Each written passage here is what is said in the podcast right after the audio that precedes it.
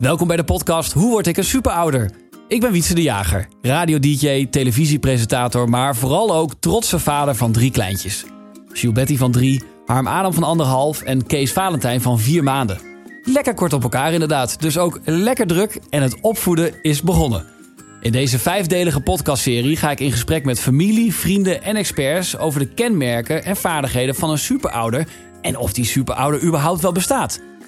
Vandaag ga ik in gesprek met Steven Pont, ontwikkelingspsycholoog. En we hebben het over de hoeveelheid vrijheid die je je kind moet geven. Uh, Steven, leuk dat je er bent. Goed hier te zijn. Uh, je bent ontwikkelingspsycholoog. Kan ik ook, kan ik ook opvoedexpert zeggen of uh, is dat te veel? Nou, daarmee, kijk, ik heb jarenlang met hele moeilijke jongetjes en meisjes gewerkt. uit huis geplaatst zijn moeilijk opvoedbare pubers. En dat heb ik jarenlang gedaan. Dus dan uh, heb je wel allerlei gedachten over opvoeden die je in een normale situatie misschien niet zo snel zou hebben. Nee. Maar voel jij je ook een beetje die Jezus onder het opvoeden? Nee, nee, nee, nee, nee, nee. Nee joh, nee, nee. Kijk, opvoeden blijft toch een beetje intelligent vooruitstruikelen. Ja. En dat, hè, dus er is niemand die het echt helemaal weet. Hè? Het is geen wiskunde.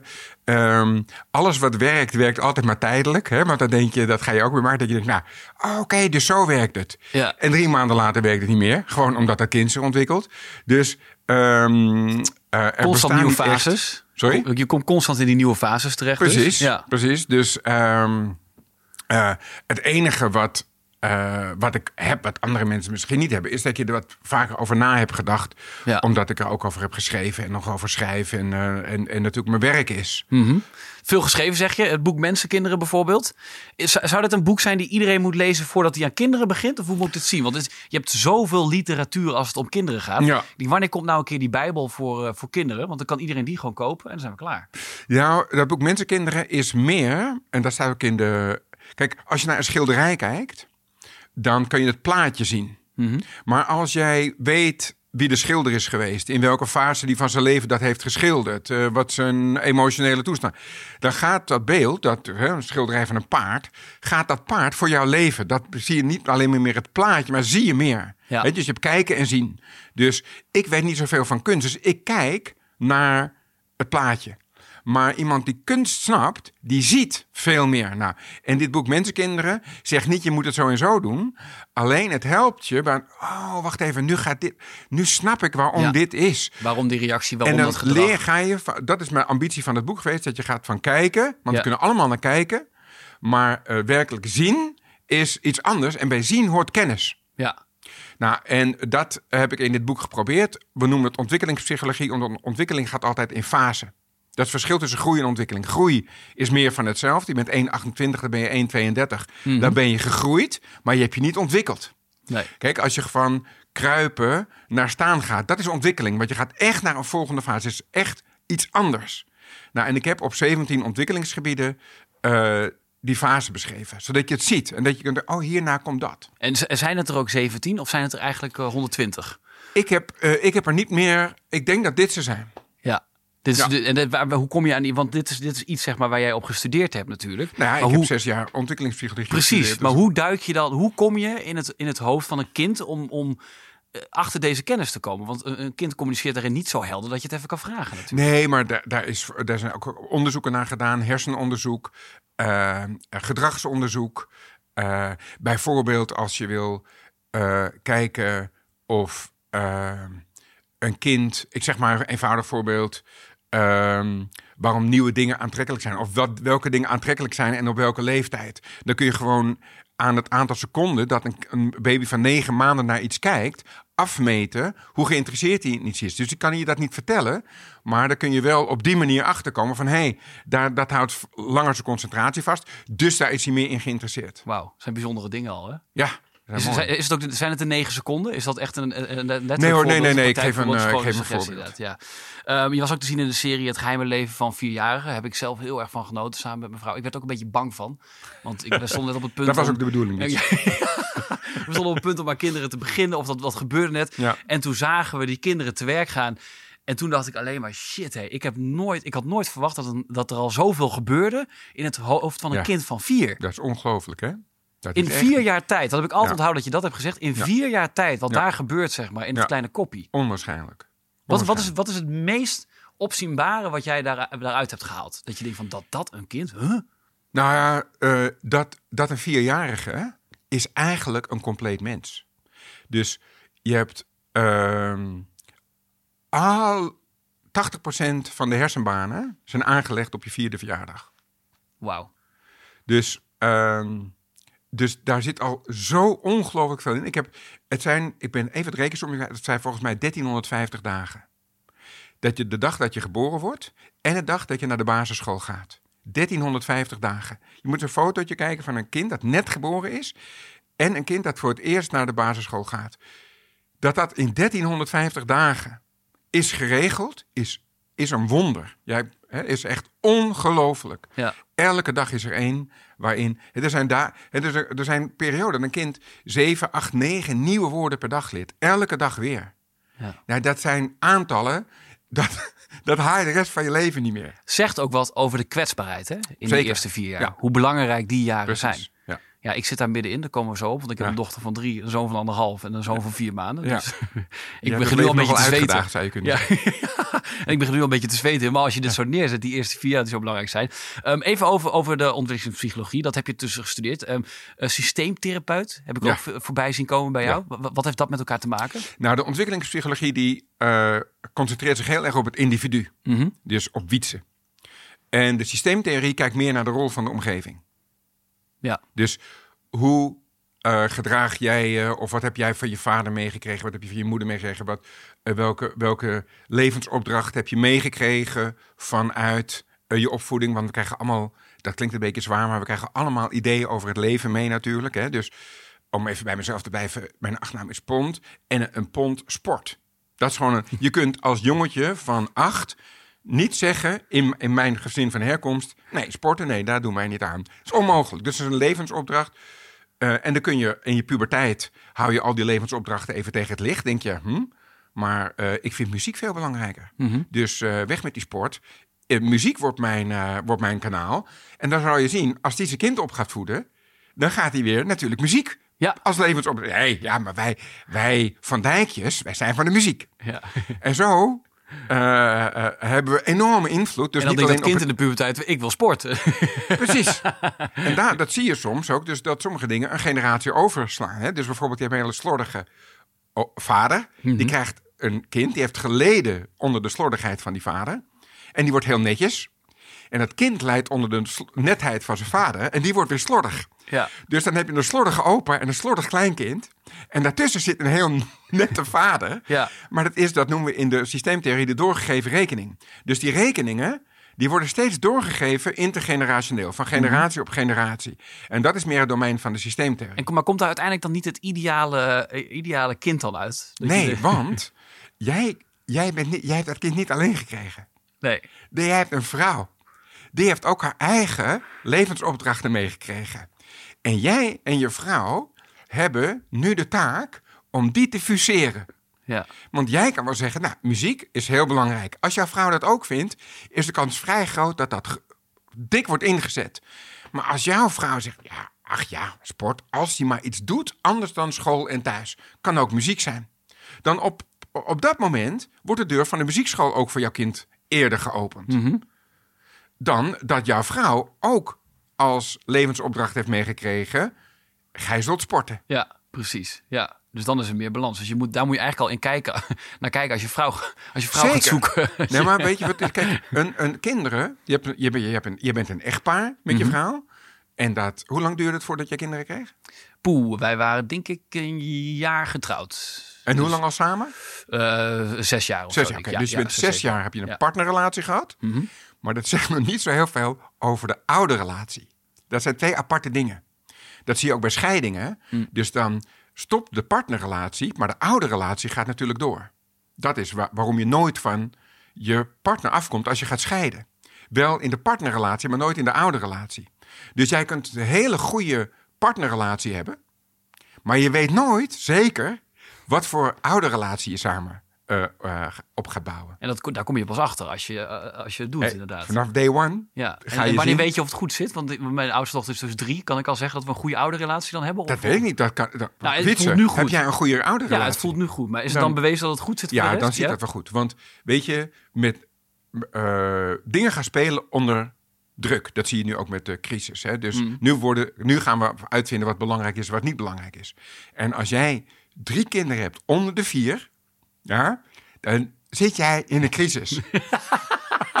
Dank je. Ja. Hè, eigenlijk niet zeggen. Het heeft een naam. Het heeft een naam. Ja, wanhoop heeft een naam. Het heet nou. Nee, maar, dat, maar crisis is ook mooi, hè? Dus crisis is niet alleen maar heeft negatieve dingen, maar alle barstjes, ja, die worden helder, hè? Ja. In die nu van, ehm, kijk, als jij wilde gaan sporten toen je, jullie alleen nog maar een partnerrelatie hadden, ga jij toch lekker sporten, Wietse? Maar nu ga jij sporten. En dat betekent iets voor jouw vrouw. Want dat betekent, ik moet thuis blijven en ik moet voor drie kinderen zorgen. Dus jouw sportdag, dat jij zegt, nou, ik ben weg, heeft enorme invloed Mhm. op jouw vrouw.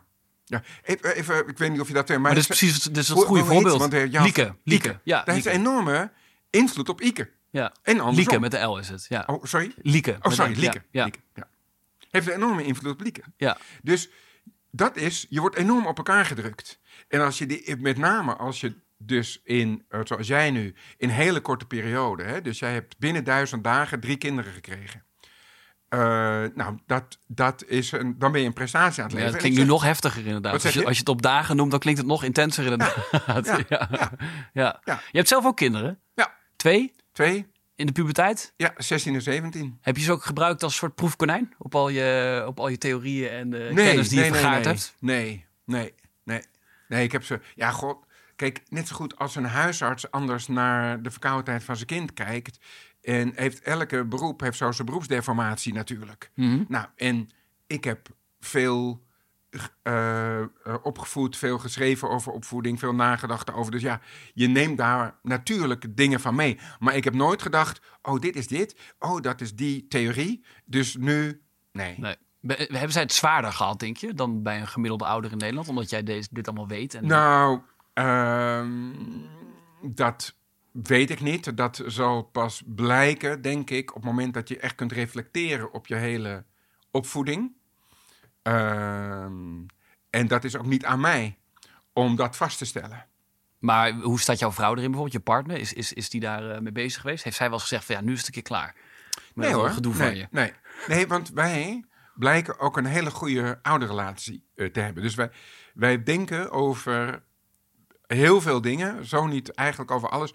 We hebben weinig... Maar dan ben je altijd de bedweter toch in het verhaal? Als je, Nee, als want je, we zijn het eens. Oké, Dus ik, eh, dus nee, nee, nee, nee. Het is niet zo dat, ehm, dat er naar mij gekeken wordt, wat gaan we doen? nou dat zou ik dan verwachten inderdaad. nee, nee, ja, nee. precies, Nee. omdat jij al die kennis hebt gehad, zo mee bezig bent. En wat gaan we doen, Steven? We zijn keus? allemaal expert. Ja. Want we zijn allemaal opgevoed.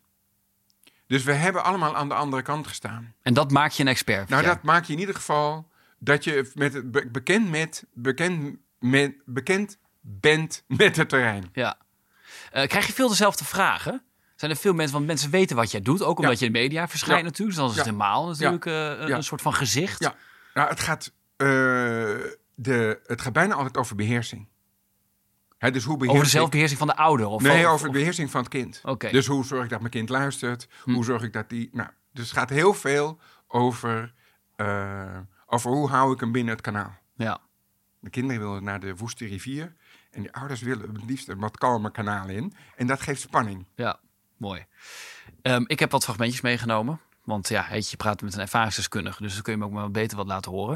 Ik heb ook een fragmentje wat ik bijvoorbeeld ook eh, aan andere mensen heb laten horen. Maar ik vraag aan iedereen op hetzelfde fragmentje toch een soort van mening om eens even te kijken of iedereen daar dan hetzelfde over denkt, Ja. bijvoorbeeld. Nou, dat weet ik al. Ja, denk je niet of denk Nee, je wel? Nee, nee, dat denk ik ook niet inderdaad. Maar ik ga er niet te veel over Nee. verklappen, want anders dan eh, druk ik je misschien een hoek in. Dat wil ik natuurlijk niet. Ehm, deze is van mijn dochter. Eh, is drie jaar oud dus. Eh, zij is in de waarom-fase terechtgekomen. Een hele interessante fase. Dan gaan gesprekken aan de ontbijttafel ongeveer zo. Ze vragen zich af waarom ze moet eten. En ik leg uit dat het goed is, want dan krijg je energie van en dan kun je weer lekker spelen. En dit is dan het vervolg van het gesprek. Luister mee. Waarom kan je dus niet eten? Nee, Waarom niet genoeg eten hebben? Nou, je moet, als, je, als je wil spelen heb je eten nodig. Want daar zit energie in. Zonder, zonder eten kun je niet spelen. Waarom? Nou, omdat in eten gewoon allemaal voedingsstoffen zitten. Waarom? Ja, omdat wij dat nodig hebben als mensen. Waarom? Omdat ik wat ik zeg, dat we anders geen energie hebben. Waarom? Omdat we niet eten. Waarom? Je moet eten hebben, anders eh, kun je niet leven. Heeft een men... Nou, dat zeg ik toch. Vier keer die waarom-vraag, dat is goud. dat is goud. Kijk, waarom? Omdat jij bent je dochter iets over het leven aan het uitleggen. Ja. Weet je waarom jouw kind denkt dat hij eet? Omdat het idee. lekker is. Ja, verder geen... eh, nee. Die denkt dan niet, oh maar wacht even, dit wordt verteerd, calorieën.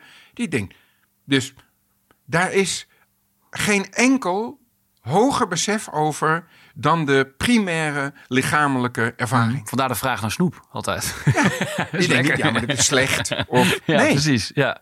nee. Maar als je dan even naar dit, dat kind, naar mijn dochter dan pakt, zeg maar. hè, Die kan op een ochtend kan ze wakker worden en dan geef ik haar alle aandacht en eh, doe ik su- super mijn best. We maken een lekker ontbijtje, spelen Ja. wat. En op een gegeven moment slaat voor niks slaat het om, zeg maar. En krijg je vol de wind van voren. Ja. Dan kan ik aankijken en denk, wat is hier nou verkeerd gegaan? wat heb ik nou vanochtend, Ja. zeg maar, in deze, deze paar uur, zeg maar, verkloot voor haar dat ze, dat ze zich zo gaat gedragen? Nou, daar zit een premisse onder. Daar zit een aanname onder. En de aanname, Wietse, is dat jij denkt dat als jij maar het goede doet, dat jouw dochter die bui niet zal hebben. Ja, Ja? ja. Nou, dan is het goed dat ik hier eh, vanmorgen naartoe ben gekomen. Ik zit in één keer in therapie. Ja. Want dat, wat jij ook doet, die buien gaat zij hebben. En dat is ook goed. En begrijpelijk. Laten we beginnen bij begrijpelijk. En of het goed is, is het tweede. Wat is een kind? Een kind is niet iemand die eh, korter is dan de rest van de mensheid of zo. Een kind is iemand, hè, dat kun je op verschillende manieren definiëren. En je zou een kind kunnen definiëren als iemand voor wie het nog moeilijk is de impuls te controleren. Ja, dus eh, eh, heb je zin om te poepen, dan ga je poepen. Heb je zin om te schreeuwen, ga je schreeuwen. Heb je zin om te huilen, ga je huilen. Je denkt niet, ja, maar ik zet die midden in de supermarkt. Of dit is niet helemaal het moment. Vandaar dat er luiers zijn. Omdat de impulscontrole is nul. En op je achttiende hopen we dat je niet meer in je broek poept. Dat wil dat zeggen dat we hebben hopen dat je je impulsen hebt leren beheersen. Dus ook op het moment dat, ik, dat jij iets doet wat ik niet leuk vind, dan kan ik jou een klap geven. En dat accepteer ik van een kind van 2,5. Ik vind, ik, ik vind het keurig niet goed, maar ik accepteer het. Ja. Want je bent 2,5. Ja.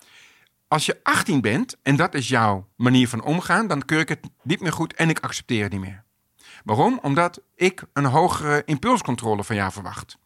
Ik ontneem je woede niet, of je frustratie of je boosheid. Ik zeg alleen, dit is niet meer de manier. Nee.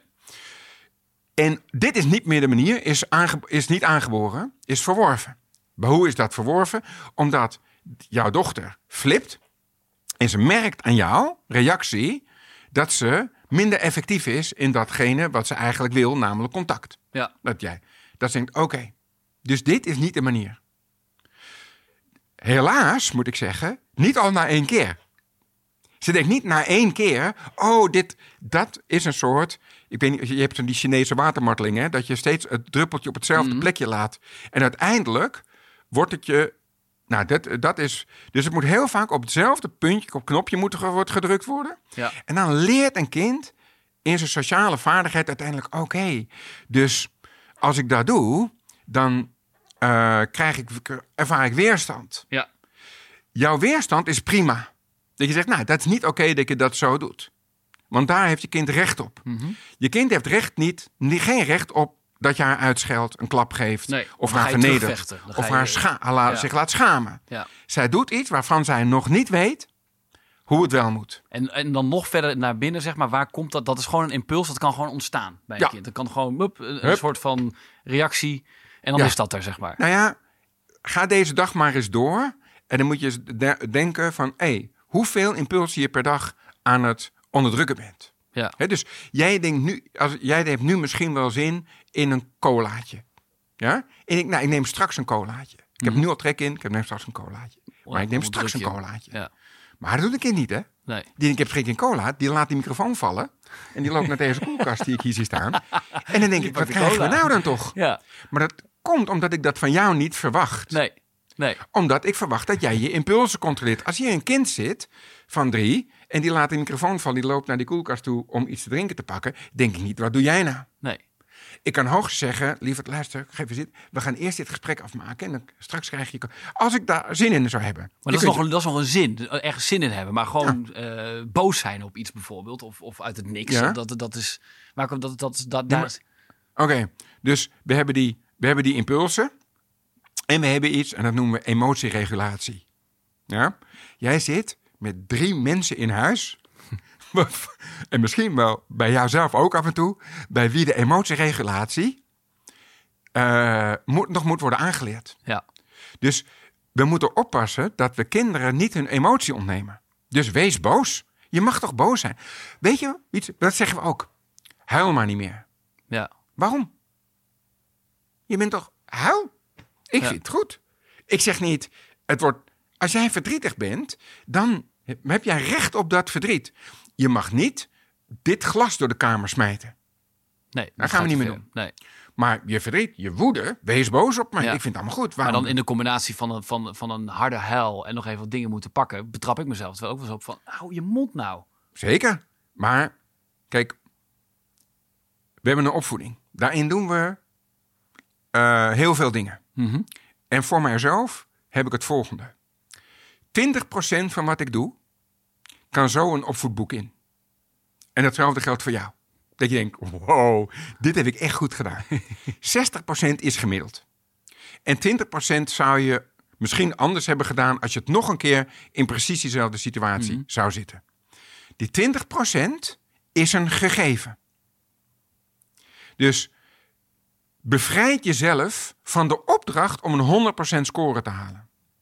Kijk, als je denkt, ik ben eigenlijk misschien wel 60% van de tijd aan het hou je mond, hè? dat is too much. Want dan wordt dat het patroon. Ja. Dat moet de Dat uitzondering blijven. Maar jouw kind heeft er ook recht om te merken dat ze een grens over kan gaan. En dat de reactie aan de overkant niet altijd eh, eh, rationeel is. Nee. Als jij, kijk, de vraag is: hoe word jij de perfecte ouder? Ja. En er is maar één antwoord op. Stop met het willen zijn van de perfecte ouder. Accepteer mijn 20-60-20 regel. Ja. En dan denk ik, ja, daar was er weer één. En dat wil niet zeggen dat je daarna het niet even goed hoeft te gaan maken. Maar zeggen, oh, daar was er weer één. En op dat moment was ik een slechte vader. Nee, op dat moment was je een vader die laat zien dat je een grens hebt, dat je daar overheen kan gaan. En als je er overheen kan gaan, of dat je dat zelf in, dat je teruggaat naar diegene en zegt, sorry, had ik niet moeten doen. Ja. Daar leer je ook van. Ja. Stel, jij hebt dat nooit. Hoe leert een kind excuses maken? Ja. Dus allereerst, wees een mens met SCH. ja? Wees gewoon met al je malligheden. Er is maar één ding dat jij je af moet vragen. Dat is, ben ik zelf gekneusd uit mijn opvoeding gekomen? Want dat zijn mijn thema's. Dat zien we ook. Dus stel, er is iemand is vaak geslagen in zijn, in zijn jeugd. Die neemt een... Dat geldt voor 3% van de kinderen. Ja? Die worden geslagen. Die, eh, nemen, die, die, die worden volwassen en krijgen een kind. Je zou zeggen, nou, als er ouders zijn die weten hoe vernederend het is om geslagen te worden, dan zijn het wel deze ouders. Dus die gaan hun kinderen natuurlijk niet meer slaan. 30% slaat zijn kind weer. Zo hardnekkig is de eigen opvoeding voor de opvoeding die we zelf geven. Ja. En dus, en ik zal niet naar jouw thema's vragen, maar we hebben allemaal onze thema's meegekregen uit onze eigen jeugd. Ja. En daar moet je wat extra voor corrigeren. Hè, dus ehm, nou, de voorbeelden die ik eh, net gaf. En voor de rest, wees gewoon mal. We, heb je gekkigheden, ja, je ongeduldigheden. Je, het hoeft niet perfect. Sterker nog, het kan niet perfect. En daarom is er in de ontwikkelingspsychologie ook zijn er twee termen. eh, en daar ga je een hoop plezier van beleven. Dat is namelijk de good enough parent. En dat is goed genoeg is goed genoeg. Hè, ehm, jij hebt een leidinggevende, neem ik aan, hier. Ja? Goed genoeg is goed genoeg. Jij hebt echt geen perfecte leidinggevende nodig, zodat wij hier kunnen zitten. Gewoon goed genoeg is goed. En die heeft ook zijn of haar malligheden. En daar corrigeer jij een beetje voor. En we hebben er misschien samen wel humor over. En je erg je er ook aan. Maar Ja. eh, zij of zij heeft ook kwaliteiten. That's life. Je eist... Net zo goed als jouw leidinggevende perfectie van jou eist. Maar het- het- dit werkt, ik merk dat het heel bevrijdend werkt. Dat is heel, heel, heel Dan fijn. geef ik je nog één term, want anders vergeet ik hem. Sorry, ja, ga door. Ja, dus dat is de good enough parent. Mhm. En dat is liefdevolle verwaarlozing. En met de nadruk op, verlief, op, op, verliefdheid, op, op liefdevol. Mhm. Dus ja, ehm, eh, je, je, je, je zit met je, met je, met je vrienden, zit je eh, eh, een, een, een, een, ander- een biertje te drinken. En je denkt, ja, maar ik moet eigenlijk nu eten. En denk je, nou, ik knal er even een pizza in. Begrijp je? Ja. Kijk, het wordt wat anders als je elke avond pizza eet. Maar dat je denkt, ja, ik zit nu even hier, ik heb het naar mijn zin met me. En je zegt, nee, maar ik moet eventjes eh, deze pompoen, eh, weet je wel, forget it. Geef jezelf de ruimte om gewoon, je hebt, dat is namelijk wie je ook bent. Dat je ook af en toe met je Ja. vrienden een biertje zit te drinken. Het is zes uur of hoe laat je dan ook eet. Nou, en dan knal je er even een pizza in. En dan zitten die kinderen eventjes voor de televisie die pizza te eten. Ja. Ja, die avonden dat dat is gebeurd. Als jouw kind 23 is, dan zegt hij: Weet je wat ik topavonden vond? Dat jij met je vrienden biertje zat, een biertje zat te drinken. En dat wij dan mochten, mochten wij een pizza. Ja, en mochten ja, we televisie kijken, zolang als die vrienden er waren. Nou, daar heb ik zulke goede herinneringen aan. Ja. That's life. Ja. Het is, Maar waar Op- ligt die, want dat is wat ik net ook wil waar ligt die grens dan? Want het werkt zo ja. bevrijdend, maar het werkt tegelijkertijd ook wat jij hier ook al zegt. Van ja, je moet natuurlijk niet iedere avond pizza gaan. Nee, maar ik, ik ben toch zeg maar een beetje zwart-wit daarin. Dat ik denk van, ik moet ergens weten eh, tot hoe ver kan ik gaan. Ja, op het moment dat je het idee hebt, dit wordt een patroon. Hm. Dus we hebben in het leven incidenten. Kijk, je, eh, jij, hebt af, je hebt af en toe ruzie met Lieke, jouw vrouw. En dat is een incident. En dat maak je weer goed. En dan, en dan ga je weer door. Op het moment dat die incidenten, als je daar samen uitkomt, dan verdiept dat de relatie. Dus de kracht van de relatie zit erin je vaardigheid, vaardigheid om een ruzie, om een conflict goed op te lossen. En als je hem goed hebt opgelost, dan ben je dichter naar elkaar toegekomen. Mhm. Maar wat nu als dat niet meer de incidenten zijn, maar de patronen? Dus het ruzie wordt het patroon. Op dat moment moet er een rode vlag bij je uitgaan. En denk, hé, hey, nu wordt het het patroon. Nu is er, zijn er dingen aan de hand die verder gaan dan wat er aan de hand is. Er spelen hier dingen die onder de oppervlakte zitten. Mhm. Nou, dus op het moment dat je merkt, hè, eh, eh, iets wordt een patroon, dan, eh, dus je kind dat af en toe flipt. Ja, en hoe jonger het kind, hoe vaker het dat doet. Maar op het moment dat je ziet van, hé, hey, maar dit, dit is een patroon aan het worden. Dus Ja. er zijn geen andere mogelijkheden meer, dat er is een beetje tegenwind. En er vlag, vliegt, eh, vliegen allerlei dingen door de kamer. Dat dat één op de tien keer gebeurt, dan heb je recht op mijn weerstand. Eh, maar als het 10 op 10 is, Ja, altijd. Ja. dan hebben we een patroon te pakken. En dan moeten we denken, hé, hey, wat ligt hieronder? Bijvoorbeeld word ik wel, dat zien we bijvoorbeeld bij kinderen. Er wordt een nieuw kind geboren. Misschien heb je dat zelf ook wel meegemaakt. En dan eh, het, het oudste kind wordt moeilijker in zijn gedrag. Ja. Ja, Wat die zeker meegemaakt. Ja, ja. ja. en dan, dus dan moeten we daar de systemische route voor kiezen. En niet de ontwikkelingspsychologie. Niet denken van, oh, dat zit in dat meisje. Nee. Dat zit in het, in het systeem, in de relatie, in de relationele context met officieel woord. Hè? Dus eh, Mhm. hoe ze zich verhoudt. En het- zij heeft een sociaal contract getekend. En daarin staat Wietse plus Lieke en ik. Ja. Dat is het sociaal contract dat zij getekend heeft. En op een dag zijn jullie naar haar toegekomen en zeggen: luister eens, we hebben goed nieuws. Eh, en je krijgt een broertje of een zusje. Nou, en vond ze misschien wel leuk. En ze heeft de oren af en toe eens even op de buik van Lieke gelegd. Ja, oh, wat leuk. Zij had geen idee. Geen idee wat het betekent om een broertje en zusje te krijgen. Want plotseling wordt het sociaal contract verbroken. Ja. En natuurlijk word je dan drukker. Dan is die drukte is niet het probleem. Begrijp je? Dat is alleen Mhm. maar dat zij denkt: huh? Wat doen jullie? Jullie, jullie hebben haar verraden. Ik mag jou als luisteraar iets leuks aanbieden. Zoals je misschien weet is deze podcast ontwikkeld in samenwerking met Red een Kind. Een ontwikkelingsorganisatie waar ik met trots ambassadeur van ben. Red een Kind heeft het magazine Grootbrengen uitgebracht. Een magazine boordevol inspirerende artikelen over opvoeden en leuke spelletjes voor de kids. Wil je Grootbrengen gratis en snel in huis hebben? Ga dan naar reddenkind.nl slash magazine.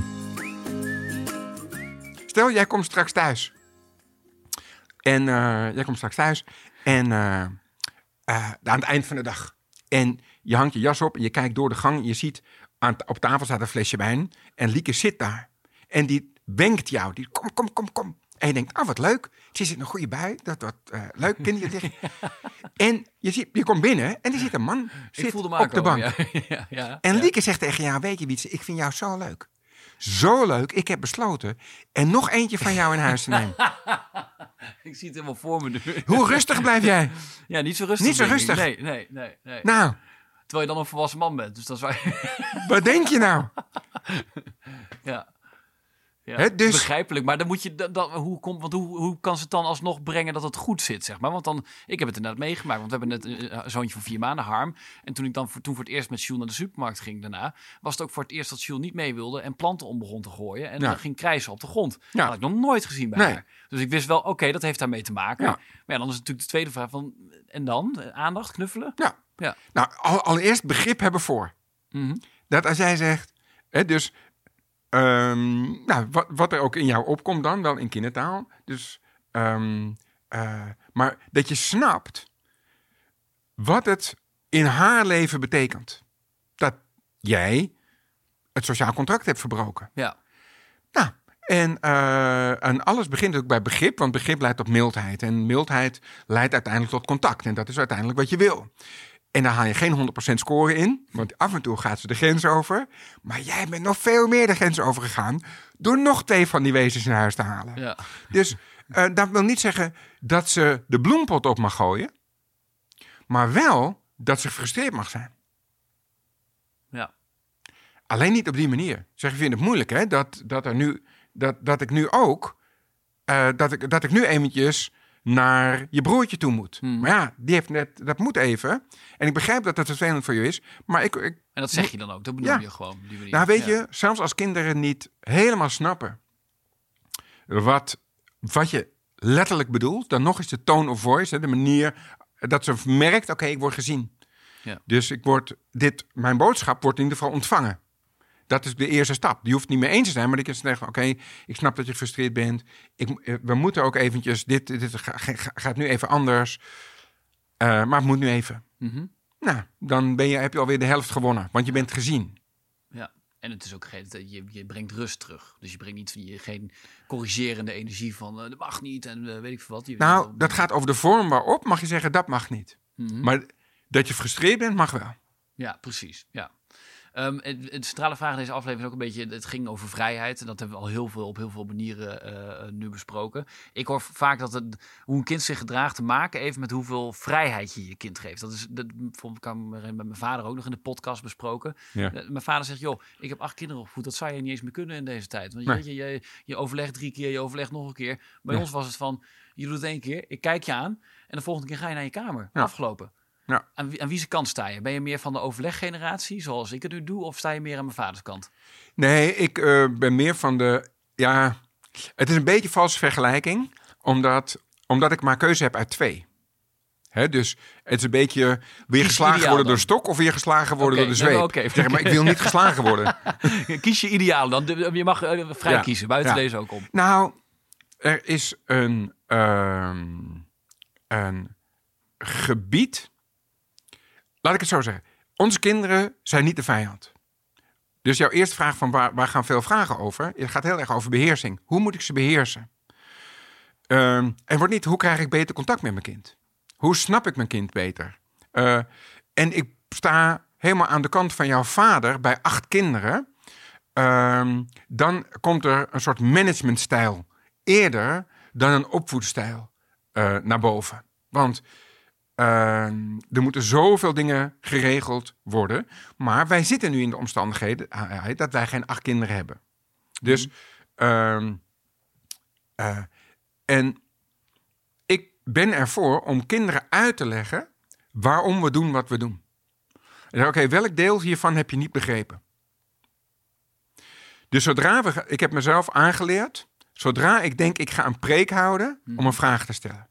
Bijvoorbeeld, heb je hier iets niet van begrepen? Ja. Als je zegt van, ja, ik heb alles begrepen. Zeg, oké, dus dan begrijp je ook waarom we dit zo doen. Zeg, nee, dat begrijp ik niet. Zeg, oké, dan heb je een deel niet begrepen. En dan, waarom Het geldt ook? vanaf een bepaalde leeftijd. Zeker. Ja, zeker. precies.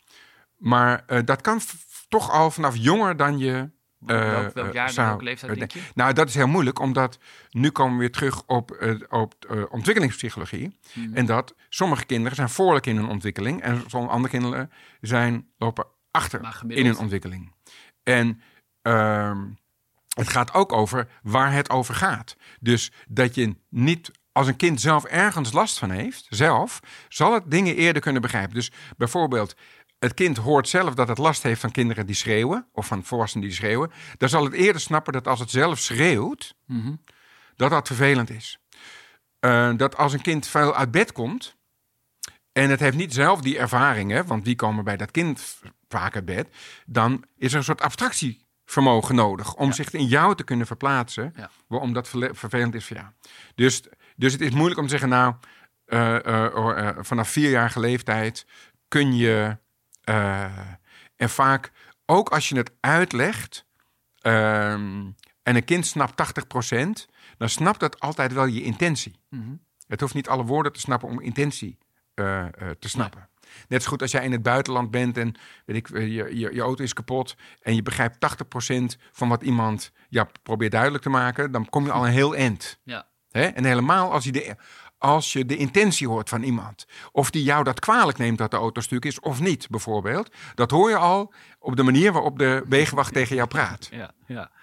Je haalt de angel er ook wel uit, denk ik. Hè? Met dat je zeg maar gaat eh, vragen, vertellen of, of, of, eh, hoe je dat doet, zeg maar. Ja. Met dat je boos wordt als ouder. En je denkt van nee, ik ga nu eens even eh, gewoon uitleggen aan mijn kind dat ik hier mis aan vind. Of aan hem vragen of haar vragen wat, wat er aan de hand is. Ja. Dan ben je natuurlijk meteen ook alweer eh zelf een stuk rustiger. Ja, Ja. ja. Nou, ja. En ik ben het zover met je vader eens. Er is een grens. Er is een grens. En eh, alleen ik ben niet voor straffen. Ik heb mijn kinderen nog nooit gestraft. Omdat ik geloof in Nooit naar hun kamer gestuurd. Nee. Sterker nog, eh, mijn oudste was negen. En die kwam op een dag naar me toe. En zei, papa, zou je mij een keer naar mijn kamer willen sturen? Want. Ik hoor dat van mij. Ik hoor dat, dat, eh, oude- dat vaders dat doen. Maar hoe Jij- dan? Ik snap het niet. Ik kan me, letterlijk dat je dit zegt, valt mijn mond open. Dat denk ik, want we zitten al heel lang te praten, maar het gaat ook maar door. Maar iedere keer valt mijn mond weer open. Maar nu ook weer denk ik, hoe kan, je, hoe kan dat nou? Hoe vaak ik mijn dochter van drie nu al niet naar haar kamer stuur. Dan denk ik van, je gaat nu echt te ver. Je gooit Ja. het eten op de grond. Het kan niet. Je gaat gewoon echt Ja. een stap te ver. Je Ja. weer op het aanrecht. Terwijl ik heb gezegd, je Ja, moet het niet doen. Dan denk ik van, dan ga je echt even, even, even weg hier uit deze ruimte. Ja. Oké, dus jouw, jouw dochter kan de impuls, hè, dus die, dat schiet alle kanten op. Hè? Dus ehm, het gooit het eten op de grond. Er staat een bord voor haar, toch? Met eten. Mhm. Ik wil zeggen, nou, ehm, ik haal het bord nog e- eh, even weg. Ehm, of, eh, kijk, we moeten twee dingen goed onderscheiden. Je hebt dingen die bestraffend zijn en straf. Dus straf is een, is iets, is een vernedering. Dus ik verzin iets waarbij ik gedrag afdwing bij jou, omdat ik jou heb vernederd. En jij vernederen is vervelend, dus eh, maar hoe krijgen we het rond in ons hoofd dat de mensen van wie we meer dan wat dan ook houden, dat we denken, verne- jij vernedert je vrienden niet, je vernedert je ouder, ouders niet, eh, je vernedert Lieke waarschijnlijk niet. Eh, en, en, en deze drie meest kwetsbare in jouw hele omgeving, daar, die vernederen we. Ja, we kunnen ons ook afvragen, waarom? Waarom? Ze doen iets wat ze niet kunnen. Jij doet iets wat je niet kan. Dus jouw leidinggevende komt die binnen. En eh, die zegt, nou kom maar even mee naar de kantine. Want ik wil dat jij nu voor de hele kantine een liedje zingt. Ja. Nou, en dan zul je het wel afleren. Denk, ja, maar denk je nu dat, dat, dat, dat de relatie veiliger is geworden? Of dat als ik iets niet kan, dat ik het jou durf te vertellen, lieve leidinggevende? Of ga ik doen alsof? Maar is dat Ik- de vergelijking? Als ik mijn dochter ook naar de kamer stuur, even op adem komen, rustig worden. Dus is dat vernederen? Nou ja, waarom stuur je jezelf niet naar je kamer? Dan word, jij ook rustiger van en zij ook. Dus, Ja, ja. Ja. dus het is wat anders als je zegt, nou, we gaan... e- Dus we hebben dan ook de Naughty Chair. Ik weet niet of je Mm. dat programma van... eh, eh, hoe heet dat programma nou? De Nanny. Ja, ja, ja. ja ken De ik, ja. Ja, dat is ook weer zo'n drama, vind ik. Kijk, de Noordertje, kijk, eh, de nanny komt een oorlogsgebied binnen. En in dat oorlogsgebied zet zij kinderen op stoelen en zegt: Ga jij maar even over je gedrag nadenken. Ik zeg: Dat kind moet niet over zijn gedrag nadenken. Wij moeten over zijn gedrag nadenken. Ja. Wij moeten aan denken: hm, wat speelt hier? Is het bewust? Zo ja, welke boodschap wordt hier dan afgegeven? Is het onbewust? Waarom zou ik het kind dan straffen als het niet weet wat het doet? Dus je kan ook zeggen, nou, eh, Maar dan ga je ervan uit dat ze het bewust doet, eventjes hier. Hè? Of Sorry? ik dan, in dit voorbeeld ga ik ervan uit dat mijn dochter het bewust doet. ja, maar ja, daar ga je over uit. Ja. Misschien is het gewoon een, een impuls die zij even niet kan beheersen nog met haar drie jaar. Mhm. En ik zeg niet dat zij niet de grens moet tegenkomen. Ik zeg alleen, de vraag is hoe we die grens implementeren. En of we dat via vernedering doen, waardoor we gedrag afdwingen en niet proberen te snappen wat er speelt. Want wat is, de, wat is de oplossing bij jou dan? Hoe heb je dat gedaan bij je kinderen? Als dit, als dit Nou, ik ben de baas. Dus eh, bijvoorbeeld, wordt eten op de grond gegooid. En dit bedoel ik met is wel bestraffend zonder dat het straf is. Dus ik zeg, dus een heel bord is nog te veel. Is verder niet erg. Dus je krijgt minder opgeschept. Ja, dus je krijgt voor mijn part één hap per keer opgeschept. Dat is, ver, niet van, ik zeg niet, ja, want, dus ik leg er geen vreugde in. Ik denk, ja, je krijgt maar één hap per keer. Dus dat is, dus ik zeg, dat is verder niet erg. Dat is verder niet erg. Maar dat is, dat Ja. is waar jij, nou, Dan kan ze het ook niet op de grond gooien. dan ze- nou, dan heeft ze het op en dan Ja. krijgt ze de volgende. Ja. En, eh, en dan, En dan, en- klimt je kind het aanrecht op. Dan zeg je van het aanrecht af. Wil ik niet hebben. Sorry? Dan klimt je kind het aanrecht op. Ik noem even wat voorbeelden uit mijn eigen situatie. Hè? Dat Ja. betekenen. Eh, die klimt het aanrecht op. Dat wil ik niet hebben. Dus ik Waarom zeg- niet? Nou, omdat ik dat gewoon. eh, Ik, vind het niet, ik zou het niet fijn vinden als zij straks bij andere kinderen over de vloer komt of wat dan ook. En denk ik bij mensen op het aanrecht klimt. Omdat ik denk van ja, dat is, daar staan messen, er staan borden, er staat Ja. van alles. Ik, denk, ik vind het Ja. gewoon geen veilige situatie, denk ik. En niet heel hygiënisch, denk ik ook. Maar Nee, oké. Maar wat wil zij op dat aanrecht? een tomaat pakken. In dit geval was het een tomaat. En toen pakte ze één tomaat voor zichzelf. Ik zei, dat is prima. Ja. En toen zei ze, ik pak ook even een tomaat voor Harm. Ja, Klein jongetje hoeft helemaal geen tomaat, maar ze wil gewoon nog een keer dat aanrecht opklimmen. Ja. Dus er zit een trucje om nog een keer dat aanrecht op te klimmen. Ja. En dan denk ik van, ja, nee, dat gaan we niet doen. oké. Dus ze zegt van, je gaat niet dat aanrecht op. En dan gaat ze toch dat aanrecht op en zegt, je moet nu stoppen. En dan begint het getouwtrek natuurlijk. Maar waarom wil je... Dat is, dus zij wil een tomaat pakken voor iemand anders. Ja, Nog even los van dat dat waarschijnlijk strategie is. Zodat zij Mhm. het aan... Weet je waarom zij graag het aanrecht opklimt? omdat het niet mag waarschijnlijk. Ja, Dus waarom... Dus kijk, als een kind bij... eh, je bent aan het koken, die wil het aanrecht. Die wil misschien wel bij jou zijn. Nou, kijk, ze- waarom wil je het aanrecht op? Waarom wil dat kind het aanrecht op? Dat, dus wij, daarom zeg ik, ga jij maar even over je gedrag nadenken. Wij moeten over het gedrag nadenken. Waarom wil dat kind het aan... En als die, nou, eh, het, het, het aanrecht op, eh, eh, eh, op wil... Kijk, elke regel die we stellen, moeten we ook handhaven. dus maak het jezelf moeilijk.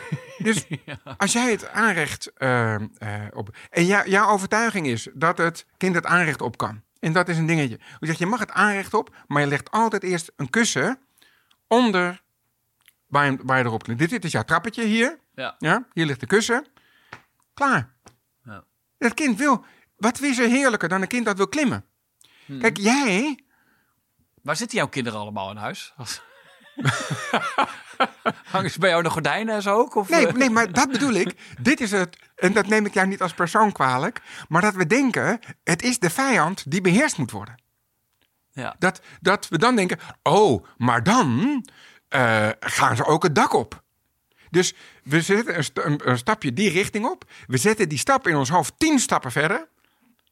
En eh, ja, maar dan haal ik ze op een gegeven moment uit het dakgoot. Dat is eigenlijk de bottom line van jouw vraag, toch? Ja. Zijn ze niet in het dakgoot? Nee. Nee. Nee, dat doen ze dan niet. Nee. Nee. Alleen, we dat toestaan en denken: oké, nou, wat is eigenlijk het probleem? Wat is nou mijn dochter van drie? Kijk, als jouw dochter, waar we, waartoe eh, toe wij geroepen zijn, eh, in haar brein zit geen aanrecht. Ja? Aanrecht is cultuur. En haar brein is natuur. Dus hoe je om moet gaan met aanrechten, is niet voorgeprogrammeerd in haar brein. Dus klimmen is voorgeprogrammeerd in haar brein. Jij moet klimmen. Waarom? Omdat zij moet haar lijf goed leren kennen. Ja. Dat, is, dat is een van de ontwikkelingsopdrachten van een kind. Is ik moet mezelf leren kennen, waar we het over gehad hebben, met het zelfbewustzijn. Ik moet de ander leren kennen, het sociaal bewustzijn. Ik moet de, de, de, de, de, de, de spullen leren eh, eh, eh, kennen. Motorisch bewustzijn, hè? dus wat, wat gebeurt er als ik een blokje laat vallen? Jij denkt, ja, als je een blokje laat vallen, dan valt het. Ja, oké. Nu geef je er een ballon. Ze laat het ballon los. Laat de ballon los. Het valt niet, hè? Weet je hoe verbazingwekkend het is voor een kind? En dus je gaat kijken, wat valt er allemaal niet? En wat gaat omhoog en wat gaat naar beneden? Heel goed. Ja. Alleen weinig. Ja, je laat steeds alles vallen. Maar dat komt omdat jij snapt dat het enige wat omhoog gaat is een ballon. Ja. Maar dat weet een kind niet. Dus die moet doen. Daar, daar hebben ze zo'n krankzinnig toerental. In die 1350 dagen, iets om- in die orde is het, hè, tussen 0 en 4, Ja, ja, die eerste jaren. Ja. moet het feit dat op vierjarige leeftijd je laat een ballon los en de ballon zou vallen, dan zou jouw dochter hoogelijk verbaasd zijn. Ja. Maar niet vanuit de geboorte, hè? Dat is allemaal verworven door ervaring. En daarom doen ze de meest krankzinnige dingen en klimmen ze ook op aanrechten. En jij verbiedt dat. Ja, ik ga het verbod er meteen afhalen nu.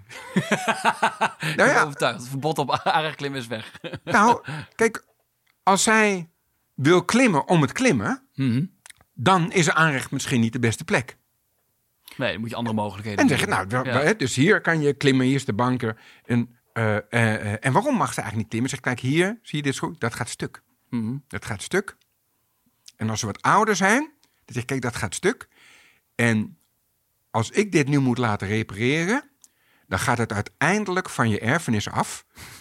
dus uiteindelijk betaal jij het. Dus ik vind het niet zo erg, want ik kan het wel laten repareren. Alleen je hebt minder erfenis over. Dus, Ja. dus kies. ja, mooi. En dat is. We moeten het allemaal niet zo serieus. Nee. Hè, het is. ehm, ah, maar goed, dus. Ja, nou, je, je voelt al mijn oprechte verbazing. Ik denk, een kind wil een aanrecht opnemen om een automaat van een ander te pakken. Waarom zouden we het verbieden? Want alles wat verbieden moeten we handhaven. Handhaven betekent ingewikkeldheid in de relatie. Ja, klopt. Nou, en die wil je niet. Ja. Dus als jij een tomaat wil pakken, dan mag je het aanrecht opklimmen. Hey, eh, ehm, laatste vraag eventjes. Eh, dat is natuurlijk het hele thema van de, van de podcast ook. Bestaan superouders? Helaas. Ja, ze bestaan? Nou, die dat van zichzelf vinden. Ja. Kijk, Of zijn we wat- allemaal superouders? Nee. Nee, we zijn allemaal In onze eigen, binnen onze eigen kwaliteiten, oh, de 20, 60, 20, wat je net ook zei, qua, Ja. qua verdeling. Ja, de superouders, dat kan per definitie niet. Want wat is dan de superouder? Dat is dan iemand die geen fouten maakt. Hoe is het om met, samen te wonen met iemand die geen fouten maakt? Dat is redelijk saai, wordt dat. Nee, de hel. Want alle fouten die jij maakt, maak jij in een verder perfecte omgeving. Dat is eenzaam, hè? Ja. Dus dat. Dus superouders is per definitie een contradictie in zichzelf. Dat kan niet. Nee. Omdat als je het bent, ben je het niet. Ja. Mooi. Steven Pont, dankjewel. Ik heb het graag gedaan. Nou, heel fijn. Ik ga het boek eh, eh, Mensen, Kinderen lezen. Dat kan nog wel bijdragen, maar je hebt me nu al op heel veel eh, manieren bevrijd, denk ik. En ik denk dat het heel herkenbaar is, ook eh, voor mensen die nu luisteren, die een jong gezin hebben. Dat je denkt van, oh ja, het werkt ergens fijn, zeg maar, dat je weet dat je niet de enige bent ook of zo. Hè? En dat het dus eigenlijk allemaal wel meevalt. Dat is het ergens. Ja, ja, precies. Het is een beetje intelligent vooruitstruikelen. Ja. En dat doen we met z'n, met z'n allen. Ja, En ehm, het goed genoeg is goed genoeg. dankjewel. Graag gedaan.